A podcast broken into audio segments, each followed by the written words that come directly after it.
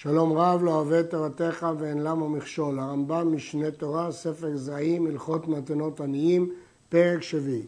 מצוות עשה ליתן צדקה לעניי ישראל כפי מה שראוי לעני. אם הייתה יד הנותן משגת.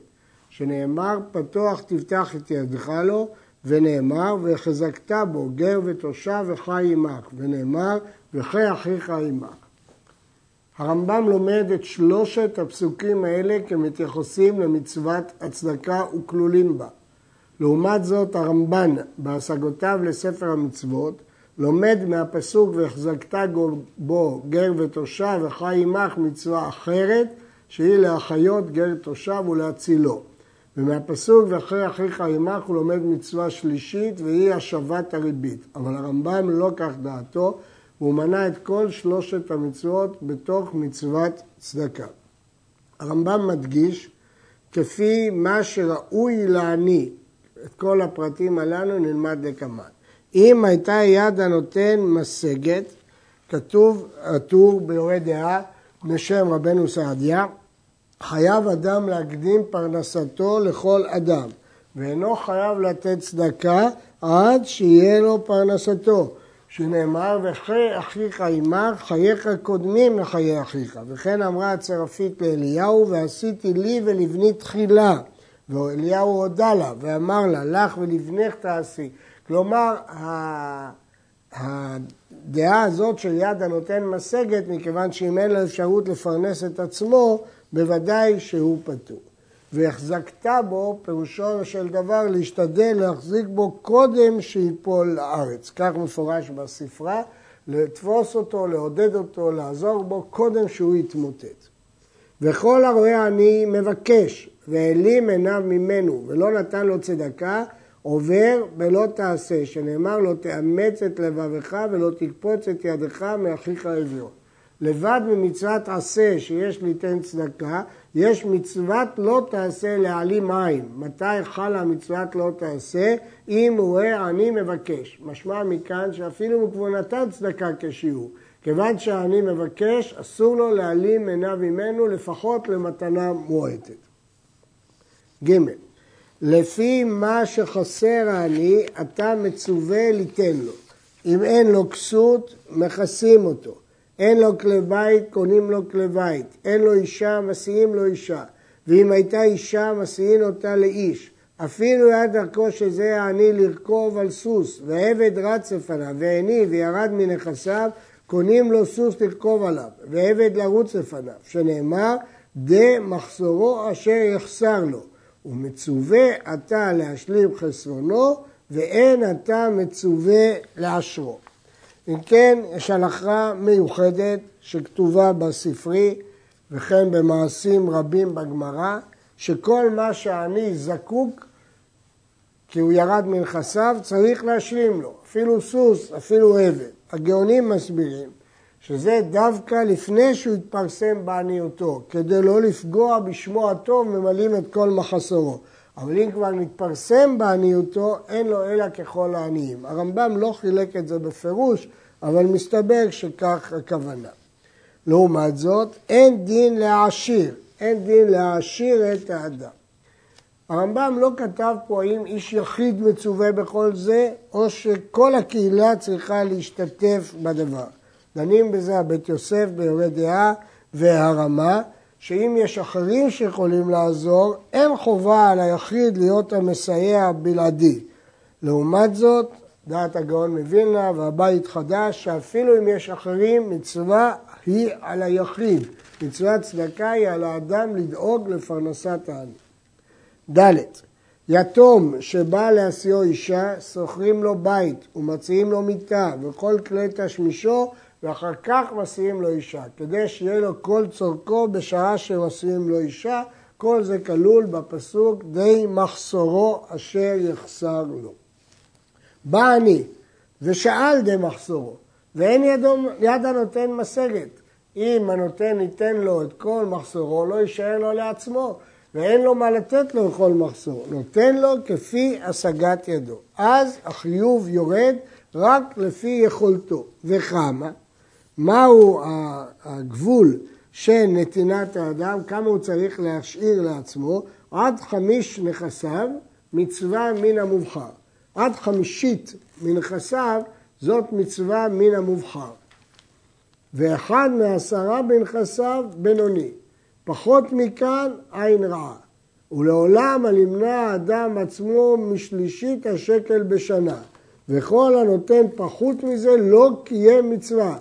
ואפילו עני המתפרנס מן הצדקה חייב ליתן צדקה לאחר. אז אם יד הנותן משגת, הוא חייב לתת כל מה שהוא יכול. כל מחסור העני. אבל אם אין יד הנותן משגת, יש שיעורים. המינימום, כפי שהרמב"ם כותב בהלכה הזו, כמוזכר בגמרא, הוא לא פחות משלישית השקל בשנה. הדבר הזה נלמד מן הפסוק, שהמינימום של הנתינה היא שליש השקל. ואפילו עני שמתפרנס מן הצדקה חייב לתת את המינימום הזה. אבל יש שיעור שני, שזה שיעור בינוני, אחד מעשרה. הגמרא בתענית כותבת, עשר תעשר, עשר בשביל שתתעשר. והספרי דרש, לא אין לי אלא תבואת זרעך, ריבית ופרקמטיה ושאר כל רווחים מנין, תלמוד לומר את כל. התוספות מצטט את זה בשם הספרי, לפנינו זה לא בספרי, אלא בפסיקתא דרב כהנא ובתנחומה. אם כן, מי שנותן עשרה מתברך, למד מכאן הרמב"ם שזו מידה בינונית. אבל המידה הטובה שהרמב"ם קורא לה עין יפה, כמה הוא צריך לתת, אם הוא רוצה לתת לא בצורה בינונית ולא בצורת עין רעה, אלא בעין יפה, עד חמישית מנכסה. הגמרא כותבת, מביאה, המפזר ממונו אל יפזר יותר מחומש, כך מפורש בירושלמי. וזה לשון הרמב"ם בהלכות ערכים וחרמים שכבר למדנו. לעולם לא יקדיש אדם ולא יחרים כל נכסיו. ואין זו חסידות אלא שטות, שהרי מאבד כל ממונו ויצטרך לבריות ואין מרחמים עליו. וזה וכיוצא בו אמרו חכמים חסיד שוטה מכלל מבלה עולם.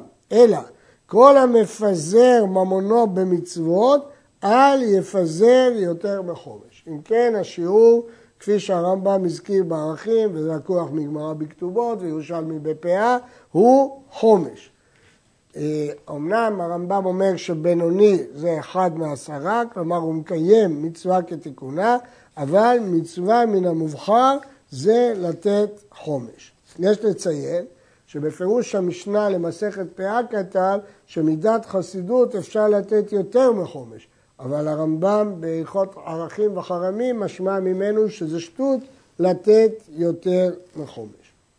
יש גאונים שכתבו שאדם שעומד למות רשאי לתת עד שליש ממונו, כי לא שייך הטעם שהרמב"ם כותב שהרי הוא מאבד ממונו ויצטרך לבריות. אז אם כן, יש שמדייקים שגם הרמב"ם מסכים שיש מצבים שאפשר לתת יותר מחומש. הרמב"ם לא אמר פה אה, את הדיון האם זה קודם מהקרן ואחר כך מהרווחים, הרמב"ם הזכיר בפשטות חומש. הלכה ו'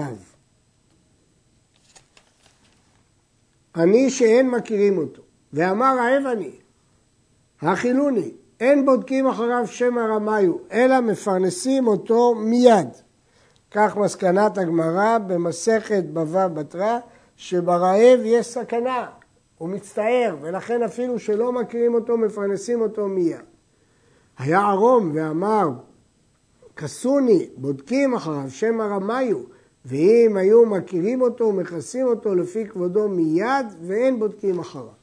כלומר, אם הוא עירום, הצער הוא פחות מהצער של המבקש מזונות, ולכן צריכים לבדוק האם מגיע לו או לא מגיע לו.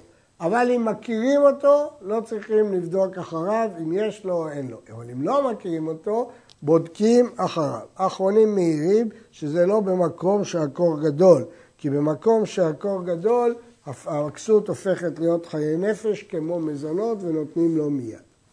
מפרנסים ומכסים עניי גויים עם עניי ישראל, מפני דרכי שלום. לכן ישנה הלכה שעניי גויים מפרנסים אותם עם עניי ישראל, הרמב"ם כתב את זה גם בהלכות עבודה זרה, זה מובא בגמרא במסכת גיטין, והסיבה היא מפני דרכי שלום. הרמב"ם מוסיף מכסים, בגמרא כתוב מפרנסים, הרמב"ם מוסיף מכסים כי כסות היא בכלל פרנסה. הביטוי עם עניי ישראל, יש סוברים שדווקא אם באים בכלל עניי ישראל, שאז שייך דרכי שלום, וכך הבין הגר"א. כותב מרי קורקוס שהכל לפי דרכי שלום באותו מקום ובאותו זמן. ואני, המחזר על הפתחים, אין נזקקים לו למתנה מרובה, אבל נותנים לו מתנה מועטת, ואסור להחזיר את העני ששאל ריקם, אפילו אתה נותן לו גוגרת אחת, שנאמר, אל ישוב דח נכלם. עני שמחזר על הפתחים, אז הוא כבר למוד לחזר על הפתחים, אז הוא הולך להרבה אנשים, וכל אחד ייתן לו. לכן אתה לא חייב לפרנס אותו את כל הפרנסה, אתה נותן לו מתנה מועטת, כיוון שברור שהוא הולך גם לאנשים רבים אחרים, וכל אחד ייתן לו. אז אין סיבה שהיחיד ימלא את כל די מחסורו. אה, יש גם רוצים לטעון שאפילו מהקופה לא נותנים לו, כיוון שהוא כבר למוד לחזר. הרמב"ם לא כתב את זה בפירוש. יש להעיר שמתנה מועטת, הרמב"ם לא כתב מהו השיעור של מתנה מועטת.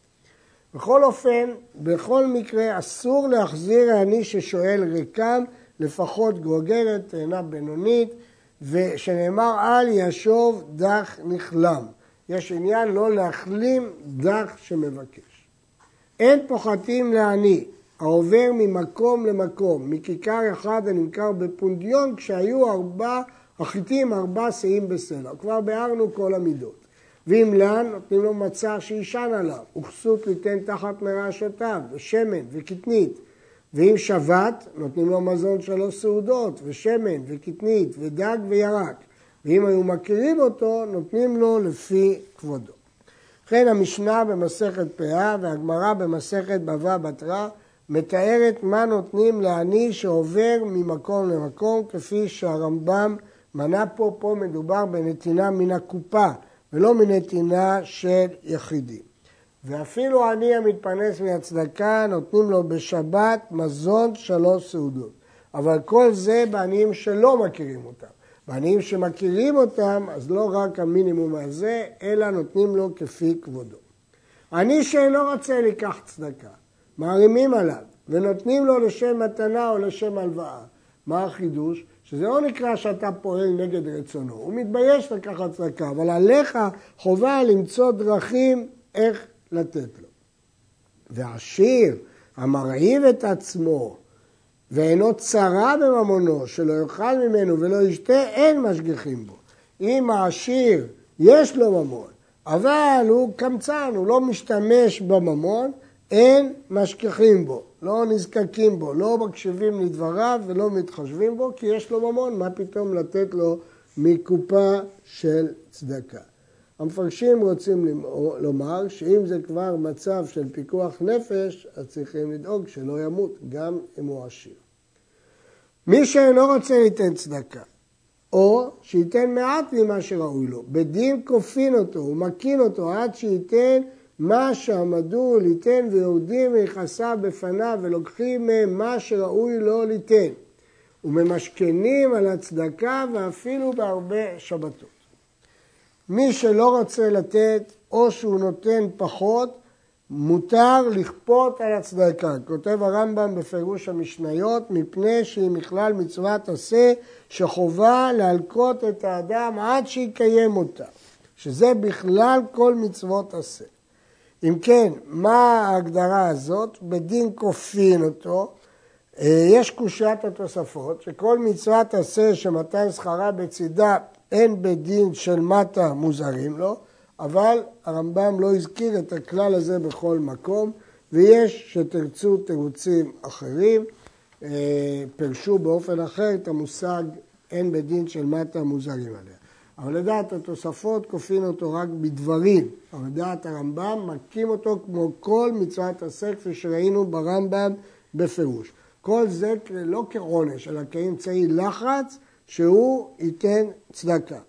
ויורדים לנכסיו בפניו. דעת הרמב"ם שדווקא בפני החייב. הדיון הזה ארוך בשח ביורד דעה, מה הדין אם הוא לא נמצא פה, האם אפשר לדון שלא בפניו, הרמב"ם אומר בפירוש שיורדים לנכסיו בפניו, כלומר רק אם הוא נמצא בו. וממשכנים על הצדקה, כפי שראינו, כופים הצדקה אפילו בערבי שבתות.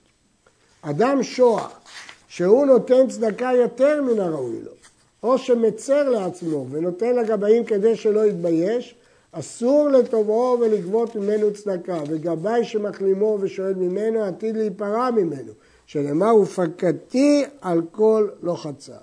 אדם רגיש, נדיב, שמתבייש, ואם מבקשים ממנו הוא נותן הרבה יותר ממה שראוי לו והוא דוחק את עצמו, נמצא שהגבאי מחלים אותו, ואסור לגבאי לפנות אליו, כי הוא יודע שזה יגרום שהוא ייתן יותר מן הראוי לו. אין פוסקים צדקה על היתומים, ואפילו לפדיון שבויים, ואף על פי שיש להם ממון הרבה.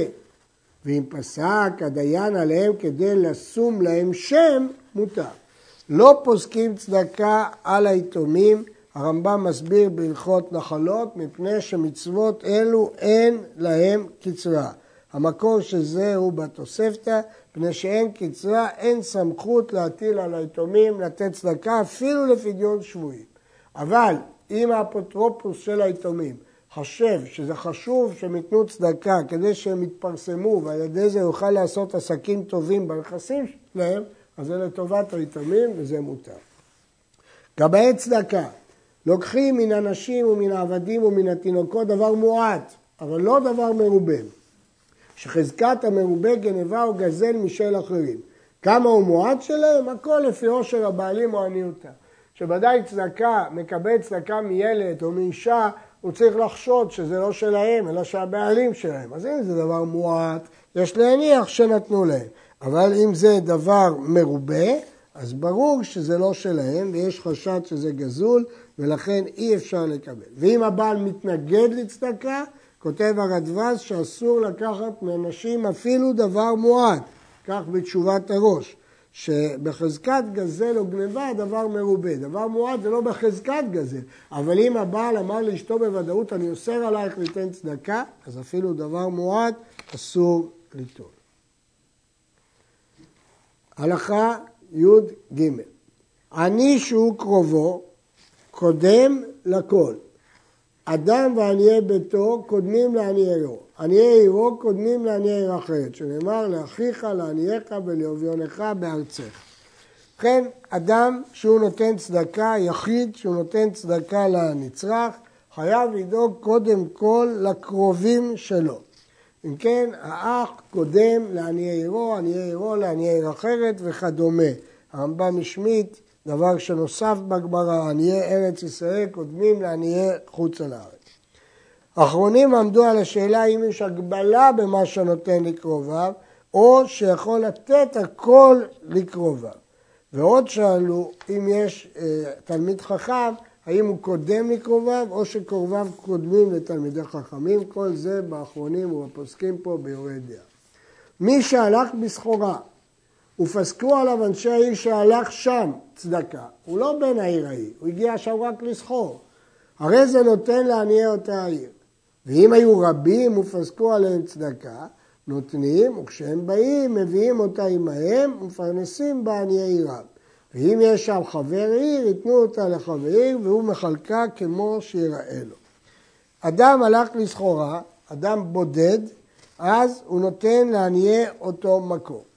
אבל אם זה רבים שהגיעו שם, אם מדובר על רבים, הרי הרבים האלה יש להם דין אחר, שהם נותנים מפני מראית העין, אבל בסופו של דבר הם לוקחים את הצדקה איתם לעניי עירם, כיוון שעניי עירם מקפידים על זה כי הם רבים, אם זה יחיד לא מקפידים. אבל אם יש חבר עיר, תלמיד חכם, שממונה, הוא יודע להעריך כמה לתת לעיר הזאת וכמה הם ישיבו איתם לעיר. האומר, תנו 200 דינר לבית הכנסת, או תנו ספר תורה לבית הכנסת. ועכשיו הוא לא בפנינו, הוא במרחקים, ואנחנו לא יודעים למי לתת. ייתנו לבית הכנסת שהוא רגיל בו, כי ברור שהוא התכוון לבית הכנסת שהוא רגיל בו. ואם היה רגיל בשניהם, ייתנו לשניהם. מה פירוש לשניהם? אז השח אומר שנותן ספר תורה לכל בית כנסת. אבל החסדי דוד אומר ששני בתי כנסת יתחלקו בספר תורה אחת, שבת בבית כנסת כזה ושבת בבית כנסת אחר. ואם היה רגיל בשניהם, ייתנו לשניהם. האומר תנו 200 דינר לעניים, ייתנו לעניי אותה עיר. כיוון שהוא לא הזכיר את קרוביו, אנחנו מקדימים את עניי אותה עיר, כי בוודאי הוא התכוון לעניי אותה עיר.